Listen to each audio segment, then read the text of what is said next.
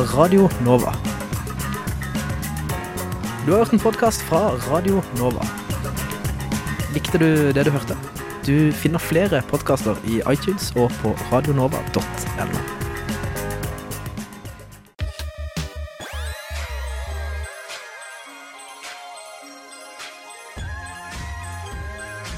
Radio Nova FM 99,3 og radionova.no.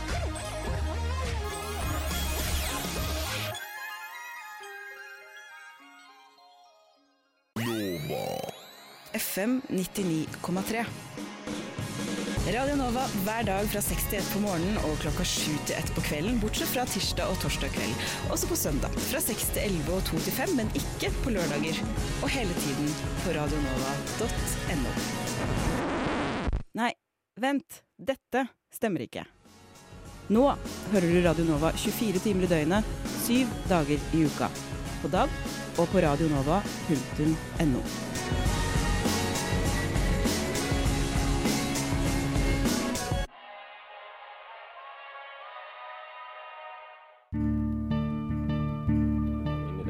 i hovedspørsmål, og det hadde vært siden eh, Noam Chomsky etablerte den greina lingvistikken som, som jeg befinner meg i. Vi håper jo på breiest mulig oppslutning om SV, og jeg tror at det eneste som kan få norsk løsner båndene mellom staten og kirka, og forhåpentligvis fører til tettere bånd mellom kirka og folk. Så hadde de gjort som andre fjøringsbevegelser i verden, hadde de helt legitimt kanskje tatt i våpen. Og, og så direkte skildring av menneskeskjebner tror jeg ikke vi har sett eh, i noen annen nyhetsdekning av noen annen terroraksjon. Det er såpass store forskjeller mellom den kalde krigen, hvor det var to supermakter som sto mot hverandre, eh, og den situasjonen vi har i dag. Du hører på samfunns- og aktualitetsmagasinet Opplysningen 99,3 på Radio Nova. Opplysningen 99,3 på Radio Nova. Aldri mer, sier du dagen derpå. Fyll på mer, sier du neste helg. Hvorfor drar vi på fylla igjen og igjen, selv om vi angrer dagen derpå? Hva er korrupsjon? Ikke lett å svare på. Vi snakker med Transpar Transparency International, som vil ha korrupsjon inn på timeplanen. Er det greit at vi pynter oss med rastafletter og hendamaling, og er mye populærmusikk stjålet fra andre kulturer? Vi tar en nærmere titt på kulturell appropriering. Trenger vi egentlig å trene? Vi har snakket med en idrettsforsker som mener vi kan drite i å trene.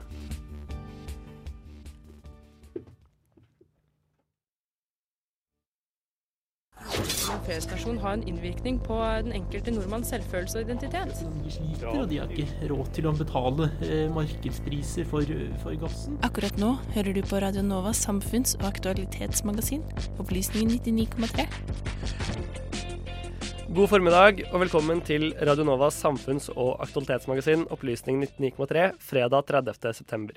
Jeg heter Vebjørn Løvaas og skal være med deg den neste timen, hvor vi skal snakke om alt fra kulturell appropriering til korrupsjon.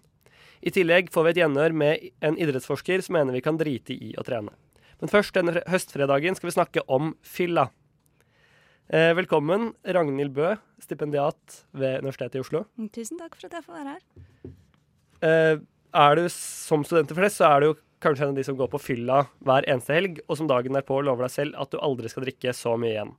Neste helg så er det edle løfter glemt, og så er man utpå nok en gang. Men ny forskning viser at du er ikke alene.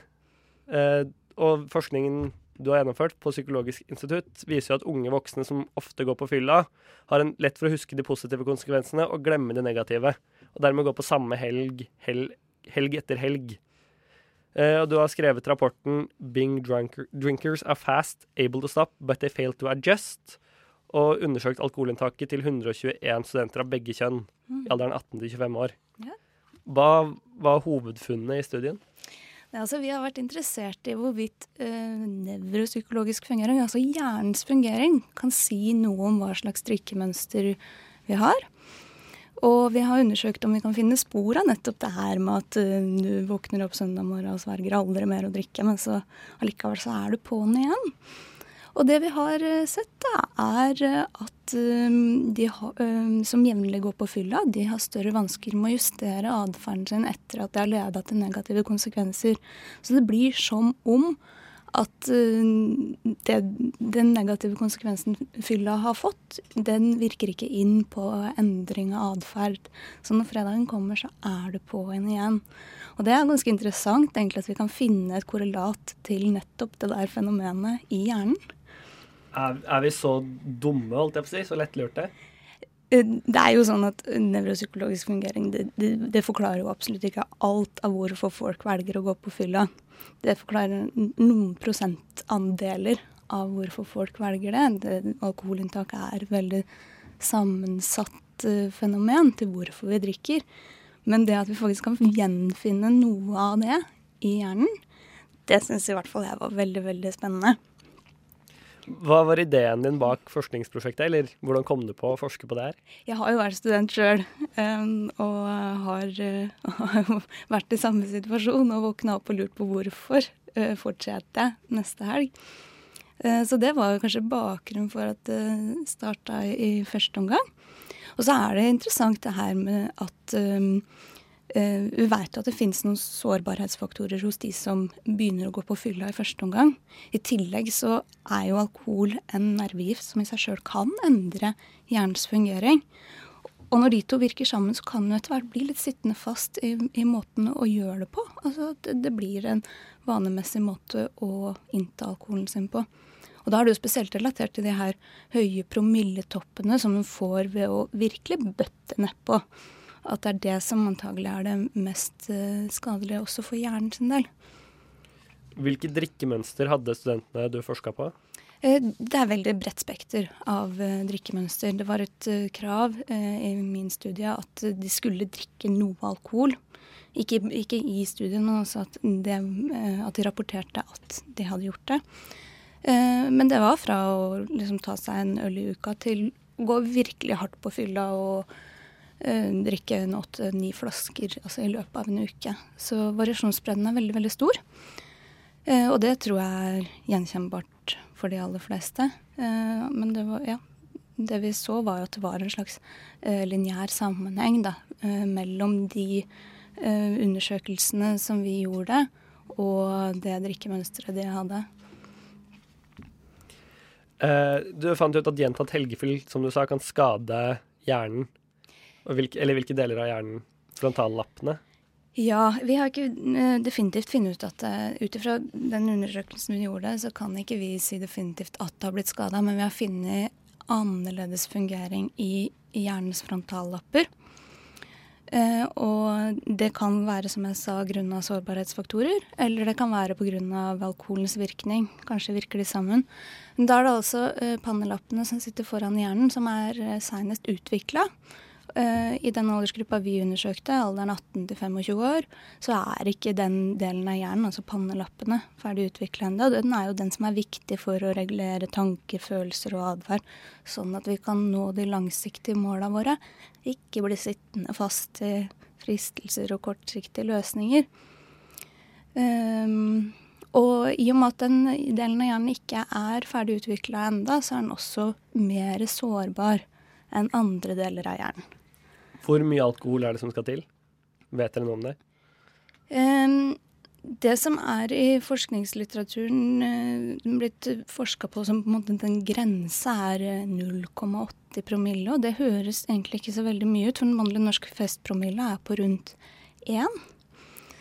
Um, når du har 0,80 promille, så er du litt uh, sløva, litt mer snublete, kanskje du føler deg litt kvalm.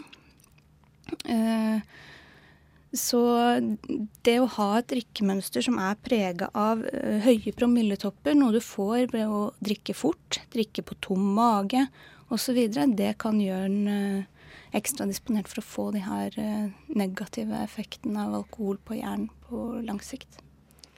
og du fant ut at atferdsmønstre hos friske unge voksne som jevnlig går på fylla, mm.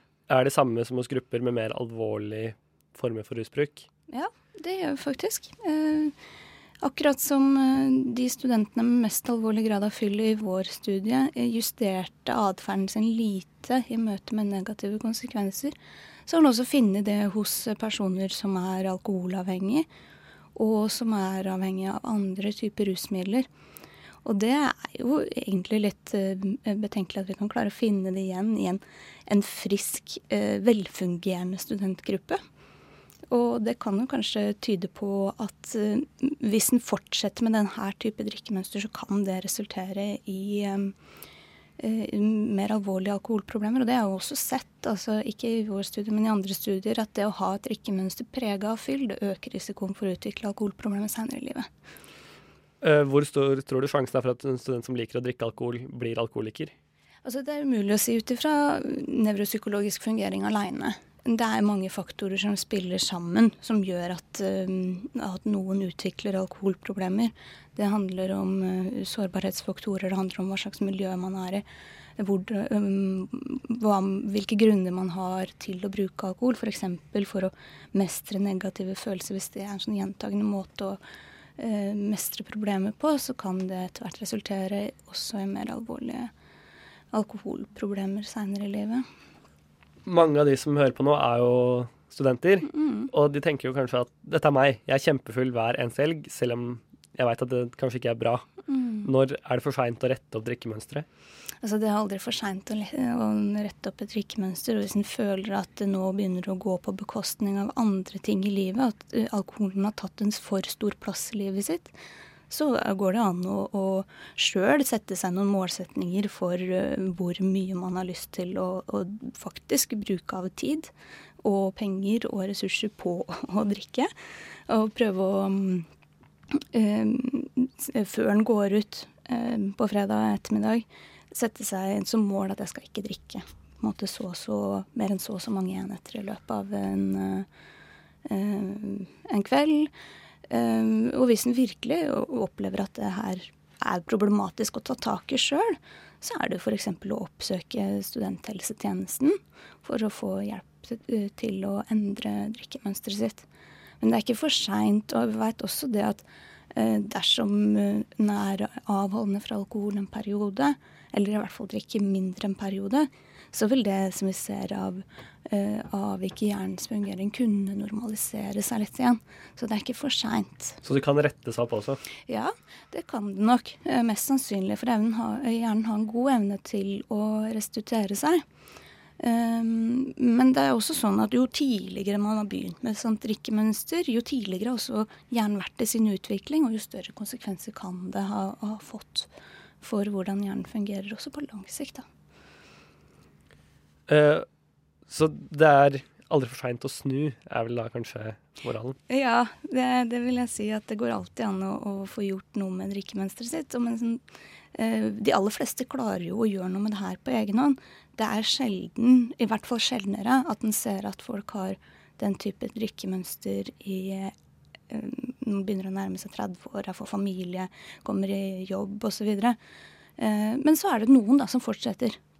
Noen spesielle eh, grupper. Og de kan, eh, om de føler at de ikke mestrer å endre det drikkemønsteret sjøl, ta kontakt med et hjelpeapparat.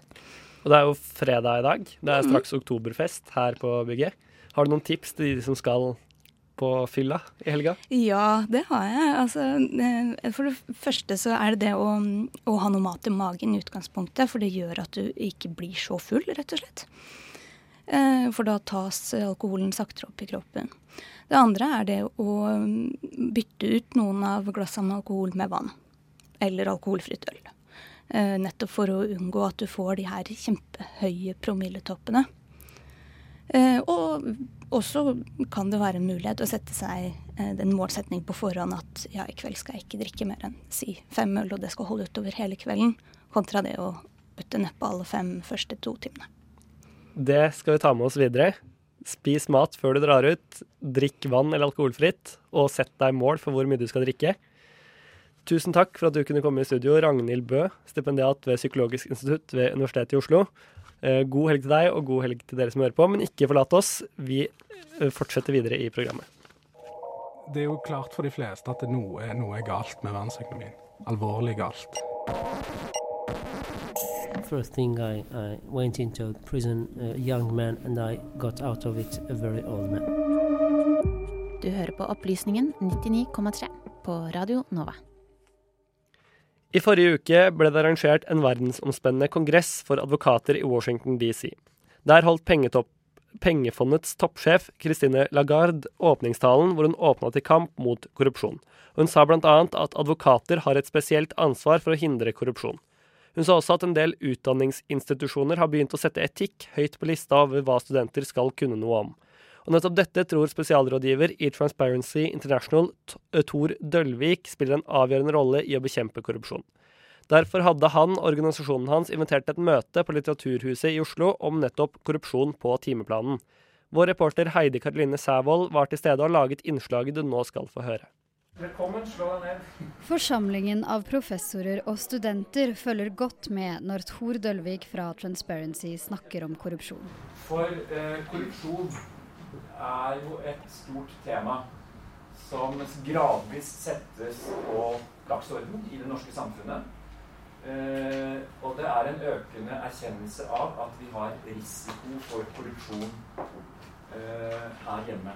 Han viser fram en pedagogisk tegning av en trapp der en figur går opp på den ene siden, og en sklie der en annen sklir ned på den andre. Når vi er fra Politihøgskolen her. Vi assosierer jo ofte politifolk med de som sier 'hallo, stopp tyven'. Altså Hvis noen er i ferd med å skli utfor og gjøre noe ulovlig, så skal vi arrestere dem og, og stoppe dem.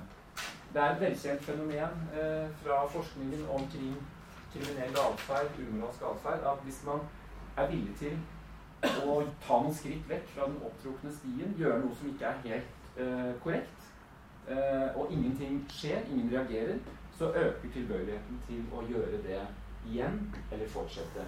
Det har vi, vi har kalt det for korrupsjonsglia. Man kan rutsje utfor. Det kan skje på individnivå, eller det kan skje eh, som del av et miljø hvor det er aksept for en sånn atferd.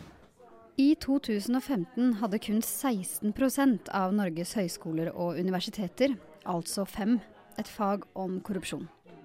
Men dette prøver Tor og Transparency å endre på. Den oppvoksende generasjonen, de som er på universiteter og høyskoler nå som studenter, kommer ut i arbeidslivet om noen få år. De er fremtidens arbeidstakere og ledere. Eh, og erfaringen viser at korrupsjon er en utfordring i det norske samfunnet og kan oppstå innenfor hvilken som helst sektor. Eh, det er bare fantasien som setter grenser for hvilke prosesser som blir angrepet. Og Da er det viktig at studenter innenfor alle fag og disipliner har blitt kjent med dette temaet gjennom studieløpet, slik at de har et minimum av kunnskap og ikke minst har fått trent litt opp holdningene sine og refleksene når de står overfor vanskelige situasjoner, slik at de kan håndtere det i framtida. Det tenker vi er veldig viktig korrupsjonsforebyggende eh, initiativ. Ok, men hva går egentlig innunder begrepet korrupsjon? Til å svare på dette fikk jeg Tina Søreide, professor med eget masterkurs i korrupsjon på Norges handelshøyskole. Altså, korrupsjon det er jo at man eh, grabber til seg eh, når man tror ikke andre ser det. At man misbruker sin posisjon og sin makt. Man må ha en myndighet som man kan misbruke. Og, og vi bruker ordet korrupsjon når man får noe igjen for det. At det er en slags deal. At det er en avtale mellom to aktører der den ene tar en beslutning som blir gjerne annerledes enn den ellers ville blitt, mot en fordel. Det trenger ikke være en pengefordel som er bestikkelse, men det kan være lovnad om en jobb eller et verv eller, eller andre ting som man ønsker å oppnå. Og det vil alltid i et effektivt byråkrati vil det alltid være risiko for korrupsjon. Um, og den korrupsjonen kan være hvor som helst. ikke sant? Det kan være i byggetillatelser, det kan være store veiprosjekt, eller det kan være budsjettdiskusjoner. Og å si at det da er budsjett Noe vi ser når vi ser på data på tvers av land, er at i land der det er mye korrupsjon, så brukes det mindre penger til skole og helse, og mer penger til infrastruktur og, og militære. Om det er akkurat korrupsjon som er forklaringen der, det vet vi ikke 100 sikkert, men vi ser det i veldig systematisk sammenheng. Og det er også en det er også mye lettere å skjule korrupsjon i den typen situasjoner. Altså når du har store verdier, kompliserte kontrakter, lett å skjule, vanskelig å verdsette verdien av ting. For nå har jo du et kurs som er veldig på eh, spesialiseringsnivå. Da tenker jeg på at alle skal vite litt. Det prinsippet. Hvorfor er det viktig at alle vet litt? Fordi det angår alle.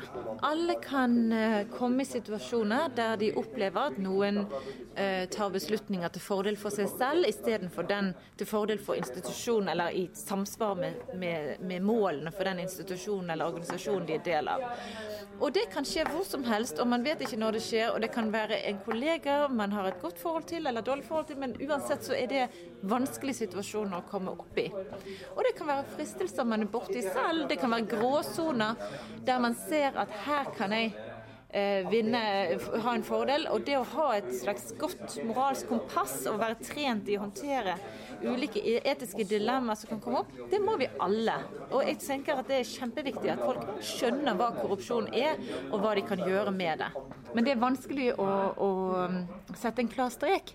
Og det er jo derfor man trenger Det er så mange etiske altså Det er så mange gråsonesituasjoner, det er så mange situasjoner der man strengt tatt ikke er på feil side av loven, men det er galt likevel.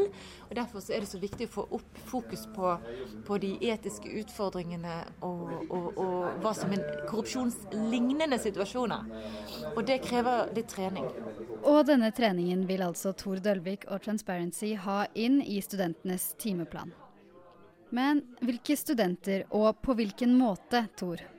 Nei, eh, jeg tenker at dette er et eh, tverrfaglig tema som kan gjøres relevant, enten man studerer medisin, fysikk, holdt jeg på å si, ingeniørfag. I tillegg til det mer tradisjonelle som de fleste tenker på, at det hører hjemme i samfunnsfagene blant jusstudenter eller blant, for politistudenter. Dette er et tema som bør fanges opp på en god måte, sånn at det blir relevant innenfor ethvert fag.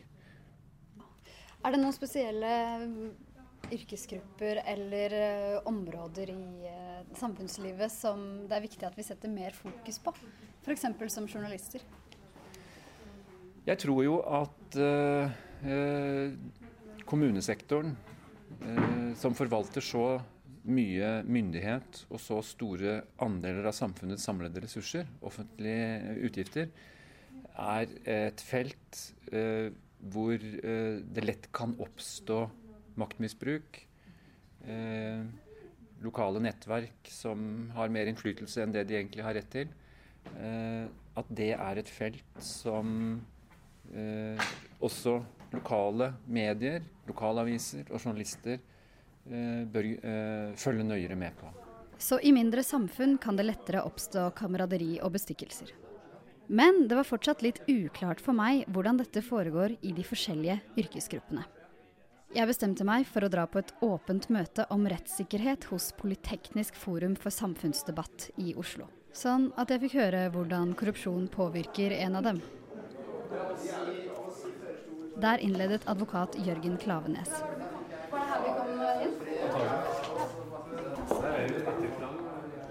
På hans egen nettside er relevant erfaring, kritisk sans og formidlingsevne på hans liste over egenskaper han prøver å leve opp til. Dette høres jo veldig flott ut. Jeg var heldig. Jeg hadde en, en, en meget god, dyktig uh, sjef da jeg var førsteadvokat. Han heter Ole Rådin. Jeg husker en dag jeg gikk opp på Oles kontor og så sa jeg, Ole, jeg har et etisk spørsmål. Og så svarte han i så fall er svaret nei. Hvis du er i tvil, så skal du ligge unna. Du skal rett og slett ikke gi deg ut på områder hvor det er grunnlag for å stille etiske spørsmål. Du skal holde din sti så ren at de spørsmålene ikke dukker opp. Men dette initiativet med at man skal ha eh, korrupsjon inn på timeplanen, eh, tenker du at det vil kunne få bukt med noen av de problemene som har kommet fram her i dag? Kanskje, men langt fram. Eh, og jeg tror det er andre ting som er billigere, enklere og raskere å ta fatt i. Eh, jeg tror det som vil virke, er at folk omgis av mennesker som har negative holdninger til det.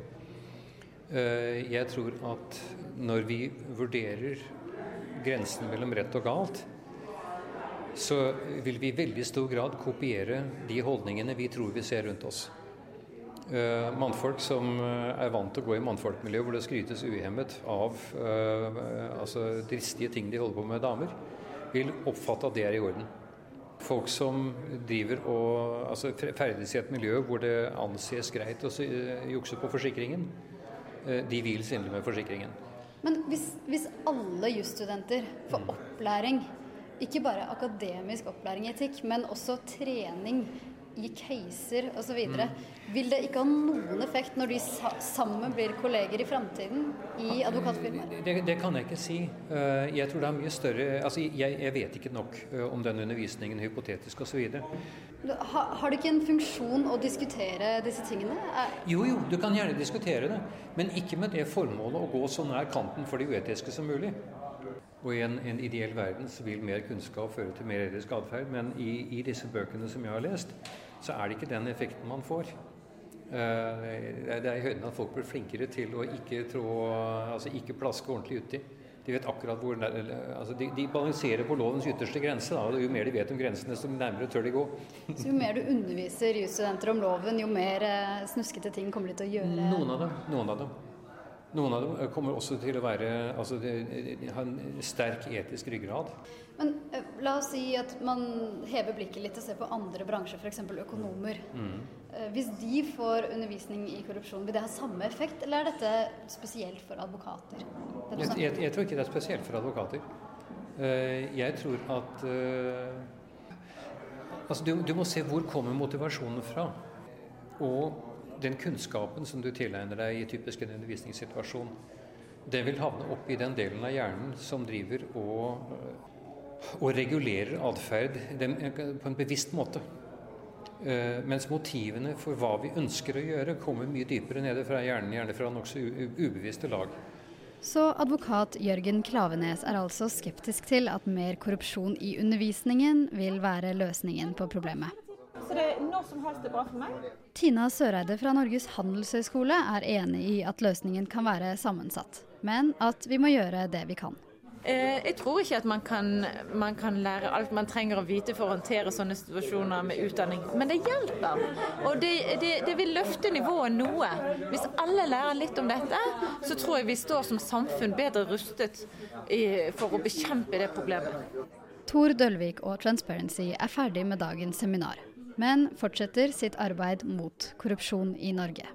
Jeg tenker at eh, korrupsjon angriper de grunnleggende mekanismene i vårt samfunn som vi alle er avhengige av. Eh, I verste fall så kan det svekke tilliten til våre felles institusjoner, våre demokratiske prosesser.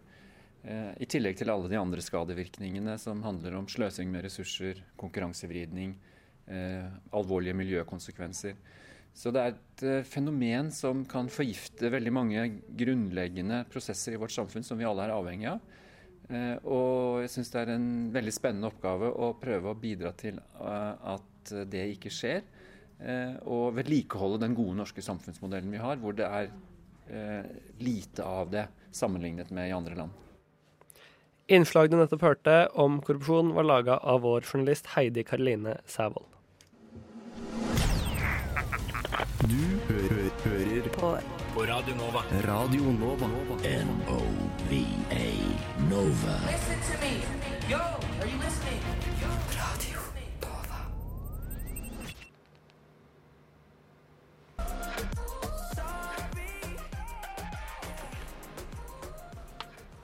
I musikklippet du nettopp hørte, hørte vi verdensberømte artister som Iggy Azilla, Mayo Lazer, Mø, Drake og Justin Bieber. I tillegg var, hørte vi norske Julie Bergan.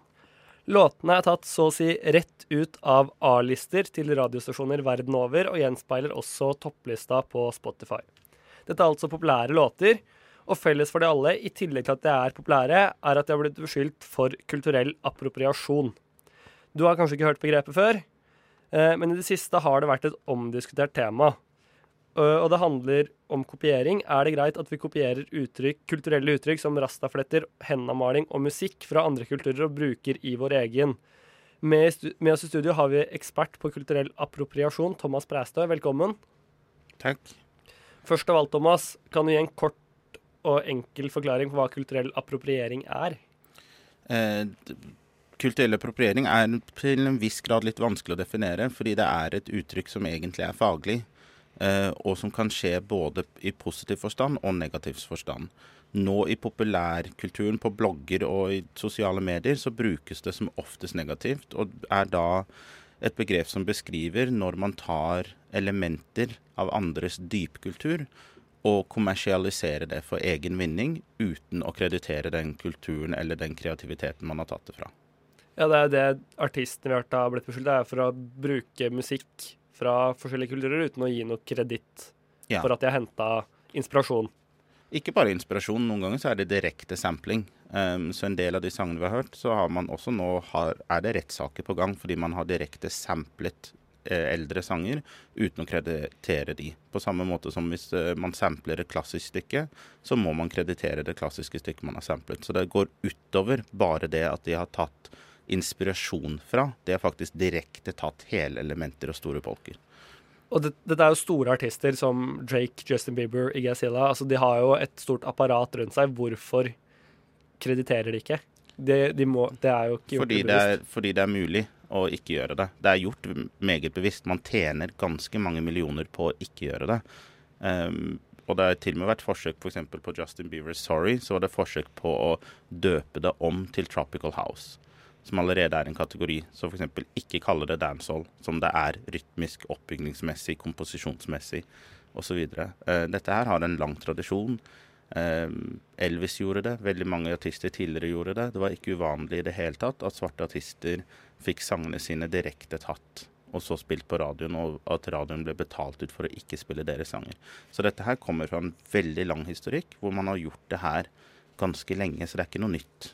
Ja, øh, vi er jo litt inne på neste spørsmål da. Hva, hvilken historie ligger det i den her kulturelle approprieringen? Altså, det er jo linka til imperialisme, eh, kolonialisering em, og også segregering og undertrykkelse. Em, så det har en ganske lang historikk. Det som folk kjenner som oftest og kanskje har hatt på, i pensum, er når det var blackface, altså hvor svarte måtte male seg med skokrem i ansiktet og parodisere seg selv for å slippe til. Eh, og så begynte hvite å gjøre det samme, at de malte seg med skokrem og parodiserte de svarte som parodiserte seg selv eh, i en sånn sirkel av undertrykkelse.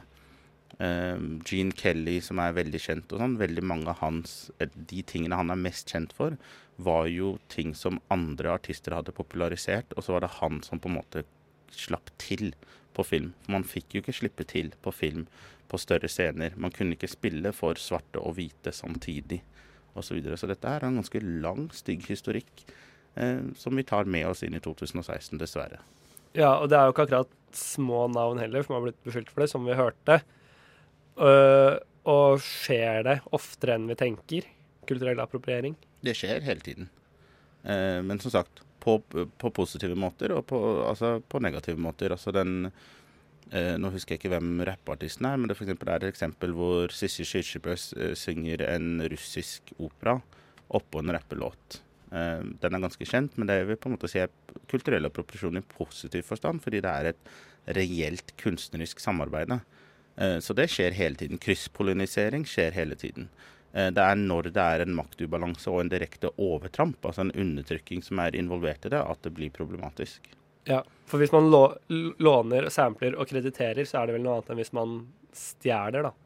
Ja, det er en stor forskjell. Um, og den, hele den teorien om at ingen kan eie osv., den må man litt vekk fra. For den, Europa spesielt, for Europa er veldig tydelig på hva de føler at de eier, og hvordan de håndhever det overfor resten av verden. Uh, så det er litt interessant hvordan man mener at disse reglene på en måte bare opphører. Til og med copyright-loven opphører på en måte hvis man føler seg privilegert nok til at det må man jo bare kunne ta. Jeg må jo kunne få lov til å bli inspirert av alt mulig, og selvfølgelig får du lov til det. Men hvis man tar elementer fra noe, så krediterer man det. Det er rett og slett bare sånn det er. Ja. Eh, hvem er det som driver med kulturell appropriering? Er det oss alle sammen? Eh, til en viss grad så er det alle sammen. Eh, det er nesten umulig å ikke gjøre det. Eh, der hvor det for eksempel, men der hvor det er sånn at man går inn og tar en kulturs dypkulturelle uttrykk og bagatellisere de og egentlig eh, bastardize dem eh, for egen underholdning og vinning, der er det eh, historisk sett europeere kanskje som er på toppen. Eh, det er sjelden du vil svinne andre kulturer ta elementer av dyp kulturell europeiske uttrykk og bruke de for kommer kommersialisering og egen vinning. Um, og det er nettopp derfor det er litt sånn umulig å snu det på hodet, fordi det blir ikke gjort mot en selv, men så føler man at man har retten til å gjøre det mot de andre. Men fordi det ikke kan reverseres, så er det ikke en likestilling der. Og i Norge så har det ikke vært en så stor debatt. Låning av ulike kulturuttrykk har ikke vært så veldig debattert, men i USA så har det jo vært en ganske stor og omfattende debatt. Eh, hva er det egentlig som foregår i USA? Hva er det debatten i USA handler om? Eh, først vil jeg rette og si at det har blitt diskutert veldig mye i Norge. Eh, forskjellen i Norge er at svarte som er i Norge, kommer ikke til. Eh, I USA så begynner man nå å få såpass mye eh, kulturell makt og såkalt black Twitter osv. Så, så man kan nå plutselig få opp meningene sine. Og jeg tror det er derfor det nå plutselig har hatt en sånn kjempeoppvåkning hvor folk over hele verden begynner å få det med seg.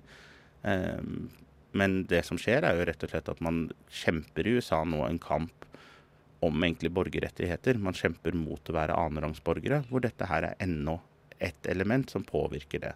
Eh, så man kjemper mot systematisk genosid, egentlig, gjennom både fengselssystemet, vold fra politi, myndigheter eh, osv. Og, så og også kulturell appropriasjon, som er en del av den store pakka. Noen mener jo kanskje at kulturell appropriasjon bidrar til å viske ut skiller mellom ulike kulturelle grupperinger ved at vi deler på kulturen. Hva tenker du om det? De fremhever det. Altså den negative kulturelle appropriasjonen, vil jeg si. Fremhever ja. forskjellene. Um, F.eks. på mange skoler i USA, i Sør-Afrika, i Brasil, eh, også noen skoler i Europa, så vil det da ikke være lov å gå på skolen med afro eller med locks eller med cornrows, altså sånne fletter inntil hodet, eller rastafletter, hvis du er svart. Eh, så det blir regnet som uprofesjonelle eller ikke skole-conducive eh, hårstiller. Det er de eneste naturlige måtene svart hår kan være. Så du tvinges til å bruke meget sterke kjemikalier for å rette ut håret, eller sy inn indisk hår eller europeisk hår for å se mer europeisk ut. Så det som reageres på f.eks. i den Kardashian-saken, er ikke det at Kardashian er hvit og går med cornrows, det er det at de hylles av de samme menneskene som oppretter regler som hindrer svarte jenter å kunne gå med en hårstil som naturlig er deres. Det høres jo nesten litt ut som apartheid, for å dra en veldig lang Altså skille, når man skiller så sterkt. Ja, men altså, sånn. det, det, det, er jo, altså, det, er jo, mange måter sånne ting skilles på. Altså I Norge, altså, hva vet vi om hvordan svarte har det i Norge? Vi vet at svarte gutter i Oslo slipper inn på én av fem utesteder. Det er politiets egne tall. Vi vet at det er 25% mindre sjanse for å bli innkalt på jobbintervju hvis du har et utenlandskklingende navn. Altså hvis man antar ut fra navnet ditt at du er svart. Det er det det egentlig betyr. Vi vet at leilighetene du bor i blir mindre verdt hvis du har innvandrerbakgrunn. Fordi majoritetsbefolkningen ikke er villig til å betale like mye for en leilighet som innvandrere har eid, eller for å bo i områder hvor det er høy innvandrertetthet. Så det er f.eks. en direkte økonomisk manifestasjon av rasistiske fordommer. Så rasisme og diskriminering påvirker selv der ingen har vært en dust. Eh, og det er, så må vi si at det, det, er en global makt som fremdeles påvirker folk for noe så ulogisk som bare fargen. Eh, så det er, ikke, det er ikke rasjonelt, på en måte, men det er en ganske stor mekanisme som gjør at jeg ikke f.eks. kan dra til Nigeria, Jamaica, Brasil og oppleve fravær av rasisme. Eh, og heller ikke her i det norske samfunnet. Så det er, dette er globale ting eh, som det er på tide at man tar opp. For det viser faktisk en betydelig forskjell i hvordan det er å gå gjennom verden i den ene huden og den andre huden. Og litt tilbake til kulturell appropriering. Vi har også et lite lydklipp eh, hvor noen i redaksjonen besøkte Felicia på Royal Afro Saloon, som er en afroamerikansk hårsalong i Oslo. Vi kan ta og høre på det. Vi tok en tur innom Royal Afro Saloon i Youngsgate for å høre hva de tenker om at hvite adopterer afroamerikanske hårfrisyrer. Der snakka vi med frisøren Felicia. Hun kan fortelle om økt pågang fra etnisk norske den siste tiden. Det er mange som har kommet inn og spurt forskjellige afrikanske stiler hår som de vil gjerne ha. Mange lurer på hvis det går med norske hår eller hvite hår. Men det er mange som har gjort forskjellige ting her i frisøren vår. Eh, som eksempel eh, cornrows, som går inntil. Og så det er rastaflette, som eh, det henger opp. Eh, gutter pleier å flette cornrows som er inntil. Og man, jentene også fletter cornrows eller rastaflette. Videre synes hun det er positivt at flere ikke-afroamerikanere nå ønsker seg nye hårfrisyrer. Jeg synes det er veldig fint at eh, mange nasjonale kommer inn og, og eh, vil gjerne fikse samme hår som vi har. Jeg syns det er veldig bra. Ja. at mange opplever det. Fordi man, noen ganger folk vil ha noen forandring. Mm, eller de ser på noen kjendiser de har, så de vil Frisøren har også noen teorier på hvorfor afroamerikanske hårstiller er populære om dagen. Det er så populært fordi jeg ser Kim Kardashian har det. Og den tiden Kardashian har det, var mange som kommer inn og fletter sammen. Altså Hvis du ser på eh, YouTube, du ser mange forskjellige fletter. Så det er mange som kommer inn og fletter de cornrowsene spesielt. Hva skal man så betale for å få seg f.eks. cornrows? Eh, det har forskjellige pris. Vi har ikke sånn fast pris. Av noen har veldig tjukt hår, noen har veldig tynn, og noen vil ha ekstra hår inni. Så det går om hvordan du skal velge. Hvis du skal velge to lange fletter, eh, det begynner, prisen begynner fra 450. Ja, det var Marte Liane Bleken Klemetsdal og Kristine Bråstad Dammen som hadde besøkt eh, Felicia på Royal Afro Saloon. Eh, hva tenker du om det vi har her? Det er jo Kim Kardashian da, som trekkes fram som grunn til at folk vil ha cornrows. Hva tenker du om det? Ja, altså Hun trakk det fram for grunnen til hvorfor det er en økt pågang fra hvite. Ja. Um, det er egentlig uproblematisk. Det handler om at de Det er det de får med seg. Eh, det viser jo noe større symptomatisk. Det viser at de ikke får med seg de ganske mange hundre tusen eller millioner med svarte kvinner som har gått med det, og svarte menn som har gått med det. Ehm, så det viser jo litt sånn hvor de har blikket, hva de ser, og hvem de krediterer. Ehm, men det er ikke problematisk det hun sier der. Jeg må komme med en liten rettelse og si at uttrykket er afrikaner, ikke afroamerikaner. Ja. Um, og at også hårstilen er en afrikansk, tradisjonell hårstil. Ehm, men det er ikke noe problematisk i det hun sa i det hele tatt. Fordi som sagt, det er ikke det det har blitt reagert på. Det har blitt reagert på den store forskjellen. Så at ikke svarte jenter som går med det, skal straffes av samfunnet, verken jobb eller skole osv.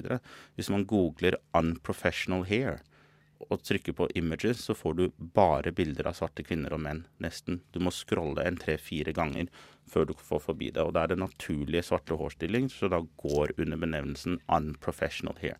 Det er det det reageres på. Og det, det hun sier i innslaget om at uh, hvite vi hadde pga. Kim Kardashian, viser jo også kanskje hvor makta ligger, på en eller annen måte. da. Sånn Ja, i, i, forhold I forhold til, til- I forhold til hvem som påvirker hvite. Ja. Men igjen så er ikke det nødvendigvis så problematisk. Eh, det er naturlig at jeg, ville også naturlig blitt mer påvirket av noen som ser ut som meg, når jeg skal hente inspirasjon for hva jeg tror ser bra ut på meg, enn noen som var på helt motsatt skala fargemessig, hårteksturmessig osv. Så, videre. så igjen så syns jeg ikke det er det som er problematisk, og det er heller ikke det man har reagert på. Eh, Det som dessverre skjer for ofte, er at det ikke er en beskrivelse av backdropen. Hva er de historiske årsakene til folk reagerer? Fordi folk henter som oftest nå informasjonen sin fra blogger, og bloggere som er clickbait. De skriver på en måte for at folk skal klikke inn. Det har ikke nødvendigvis basert på faktaene. Eh, Kan kulturell appropriering også gå motsatt vei? At, hvite, at sorte bruker typiske hvit, hvite symboler? Eh, ja, det kan det, men da må man også ha en betydelig diskusjon om hva regner man som typiske hvite. Ja, eh, fordi for eksempel, Jeg har vært i diskusjoner hvor noen påstår at fordi jeg sitter i en bomulls-T-skjorte, eh, så er det liksom et hvitt uttrykk. Eh, hvor det da historisk sett så kan man ta diskusjon om hvem var det som plukket bomullen, og hvem var det som gjorde at det i det hele tatt ble et produkt, osv. osv. Og den er for, så, og for øvrig både lagd og sydd i Kina. Så liksom er det et uttrykk for hvit kultur osv. Og så må man også huske kolonialisering. Det at man f.eks. prater engelsk på en viss måte, at man prater fransk, at man prater spansk, at man går i eh, i Karibien f.eks. går med britiske klær og har et britisk styringssystem. Det handler faktisk om kolonialisering, ikke om kulturell appropriasjon. Eh, så det er igjen man må ha ganske Det er komplekst, og man må ha en lengre diskusjon om når er det faktisk kulturell appropriasjon motsatt vei, og når er det et resultat av egentlig oppression og tilpasning til et system man blir tvunget til å tilpasse seg. Eh, Det er jo, som du sa, veldig komplekst tema. Helt avslutningsvis, hva tror du Hvordan tror du låning av kulturelle uttrykk kan gjøres på en riktig måte? Det er viktig å kreditere Er det det du vil si? Det er viktig å kreditere, det er viktig å tilnærme seg det med respekt. Når man f.eks. går med native american hodepynt på halloween, så tar du faktisk et, noe som er symbolsk eh, og veldig viktig og sentralt for deres virkelighetsoppfattelse. Og så gjør man det til en eh, humoristisk morsomhet. Altså Det er det samme som å henge korset opp ned og sprinke griseblod på det, til en viss grad. Eh, og også må man huske at dette her er et folk som nesten i all hovedsak har blitt utryddet av Vesten. Det er veldig mange native american folkeslag som nesten ikke fins lenger, eller som ikke fins lenger i det hele tatt. Så det å ta da og gjøre narr av, og spesielt på en seksuell måte, deres måte å kle seg på osv., på halloween er f.eks. en negativ og en mye grovere handling um, enn det mange vil tenke på, fordi man ikke reflekterer over det her. For man har ikke tenkt på hva er det som historisk faktisk har blitt gjort mot de. Det tror jeg får bli siste ord. Tusen takk for at du kunne komme i studio, Thomas Præstø, ekspert på kulturell appropriering. Takk.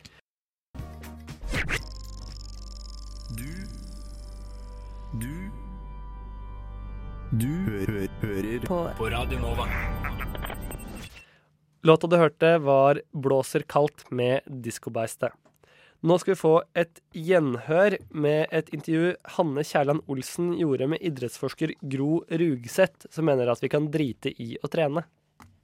Vi har alle lært at trening er veien til god helse og livskvalitet. Vi blir slankere, sterkere, smartere, lever lengre, mer effektive. Lista er nesten uendelig, virker det som. Til tross for denne kunnskapen så er det mange av oss som ikke trener. Det er veldig mange eh, som syns at trening er et ork. Så drit i å trene deg vel, skrev du i et blogginnlegg. Gro Rugseth, velkommen i studio. Tusen takk. Og da løfter vi litt på øyenbrynene, fordi du eh, jobber ved Høgskolen i Oslo i, på Institutt for fysioterapi. Mhm. Eh, er det ikke trening som er veien til god helse? Trening er kanskje én vei til noen sider ved helse for noen. For så mangfoldig er det antageligvis. Vi har litt lett for å redusere det til én ting og én vei, og at det skal være likt for alle. Og det var vel det som var litt av min agenda i den kronikken du viste til. At den forenklingen som foregår fra den vitenskapelige kunnskapen vi har om helseeffekter av trening, og til det budskapet som kommer ut til oss som da bør trene, um, den er ganske grov. For eh, la oss snakke litt om de negative sidene eh, ved det å trene. Ja, hvor skal vi begynne? uh, ja, altså for det første så Altså det jeg kanskje er mest opptatt av for tiden, eller i vår tid, da, det er at dette med trening har blitt en plikt. Uh, og at man ved å ikke trene skal gå rundt og ha dårlig samvittighet. Uh, og det tror jeg faktisk gjelder både de som trener, og de som aldri trener. For jeg tror at selv om du trener, så kan det på en måte aldri bli nok, sånn som budskapet fremmes til både unge og eldre, alle mennesker. Det jo, har jo lett for å bli i disse budskapene, så er det en henvendelse til deg, et du, men hvem er nå denne du? Uh, og vi er jo som sagt så forskjellige og så ulike på alle måter at hvordan dette budskapet treffer, er nok veldig uavklart. Mm. Og du etterlyser ekspertene som interesserer seg for hvorfor vi velger å ikke trene, selv om vi vet alle grunnene til at det er så bra for oss. Mm. Ja, jeg, jeg, kan interessere meg Som forsker så kan jeg være veldig interessert i folk som både trener og ikke trener. Det jeg kanskje etterlyser aller mest, er at vi får opp andre måter å snakke om det å trene på.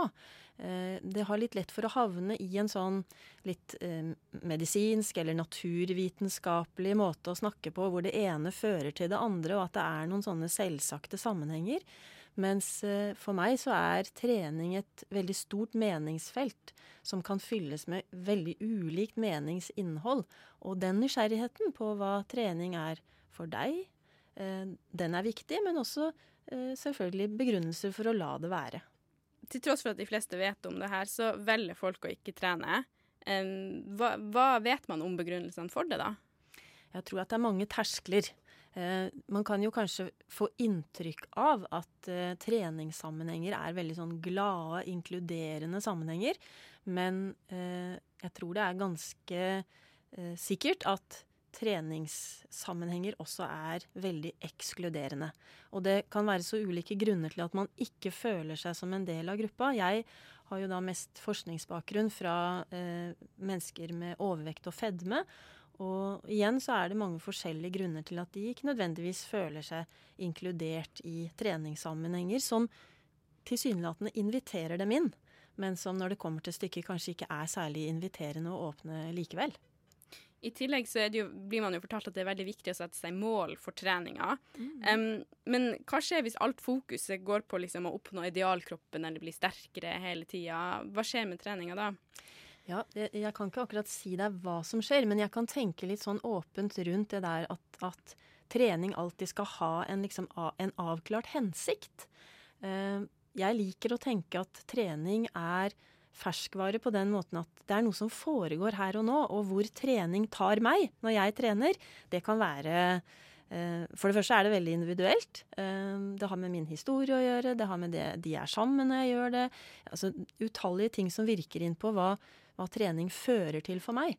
Så jeg er litt sånn opptatt av at vi ikke bare må redusere trening til noe som skal ha en bestemt hensikt, men stille oss åpne overfor hva skjer når vi beveger oss.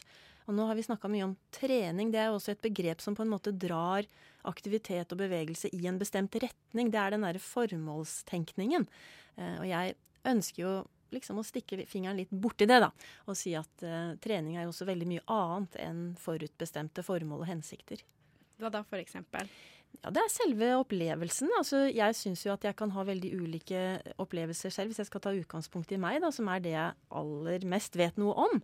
Ehm, jeg kan oppleve at de første ti minuttene på en eh, løpetur er eh, Det er veldig mye motstand. Jeg har ikke lyst. Jeg, egentlig så har jeg lyst til å snu, og noen dager snur jeg. Eh, men så kan jeg også oppleve å komme over i en helt annen tilstand. At det tar meg inn i et slags modus hvor alt som er rundt, blir litt borte. Og at jeg bare holder på med det uten at det egentlig har noe formål. Men, men det er godt å bare holde på med det. Uh, og, og, nå er kanskje løping og skigåing det jeg er opptatt av, men det tror jeg det er veldig mange andre bevegelsesaktiviteter som også kan ta folk inn i, da. Uh, om det er poledancing, yoga eller roing eller å gå en tur. Altså veldig mye ulikt. For noen er sam, altså samværet med hunden, samværet med barnet, samværet med ektefellen. Bare det at det skjer noe der og da, er kanskje det aller, aller viktigste. Men å, å drite i å trene, er det det folk trenger å høre? Ikke det, ikke det i dag mange som og bevege, trenger å bevege seg mer? Jo, det er jo et paradoks, og det er jo liksom inn i det paradokset at jeg prøver å blande meg med litt sånn provoserende tittel. Eh, jeg mener vel faktisk at eh, hvis det å trene skape skaper mye motstand i deg, så skal, skal, du kanskje drite i det. Og tenke på at du kan drive med andre ting som også er helsebringende, hvis det er helse som er en slags motivasjon for å tenke i retning av trening. Så skal man, og, og hvis man da kjenner en motstander, så ja, noen vil jo like å, å, utfordre seg på det, mens andre kanskje bare skal la det være. Kan, eh, det er mye god helse i å lese en bok, eller å gå på kino, eller sitte i en park.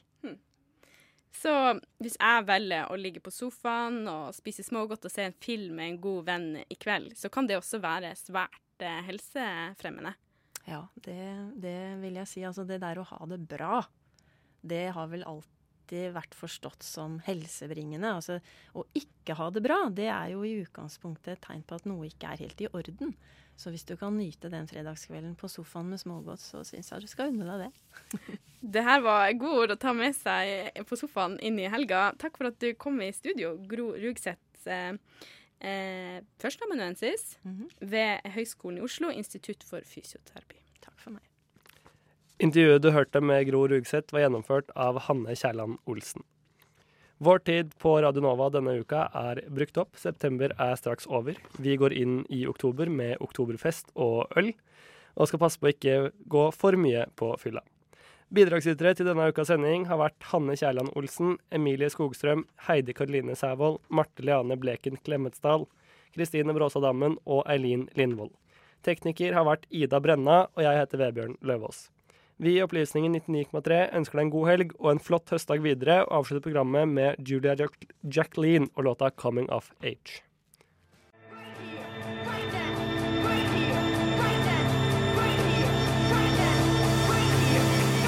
Radio Nova.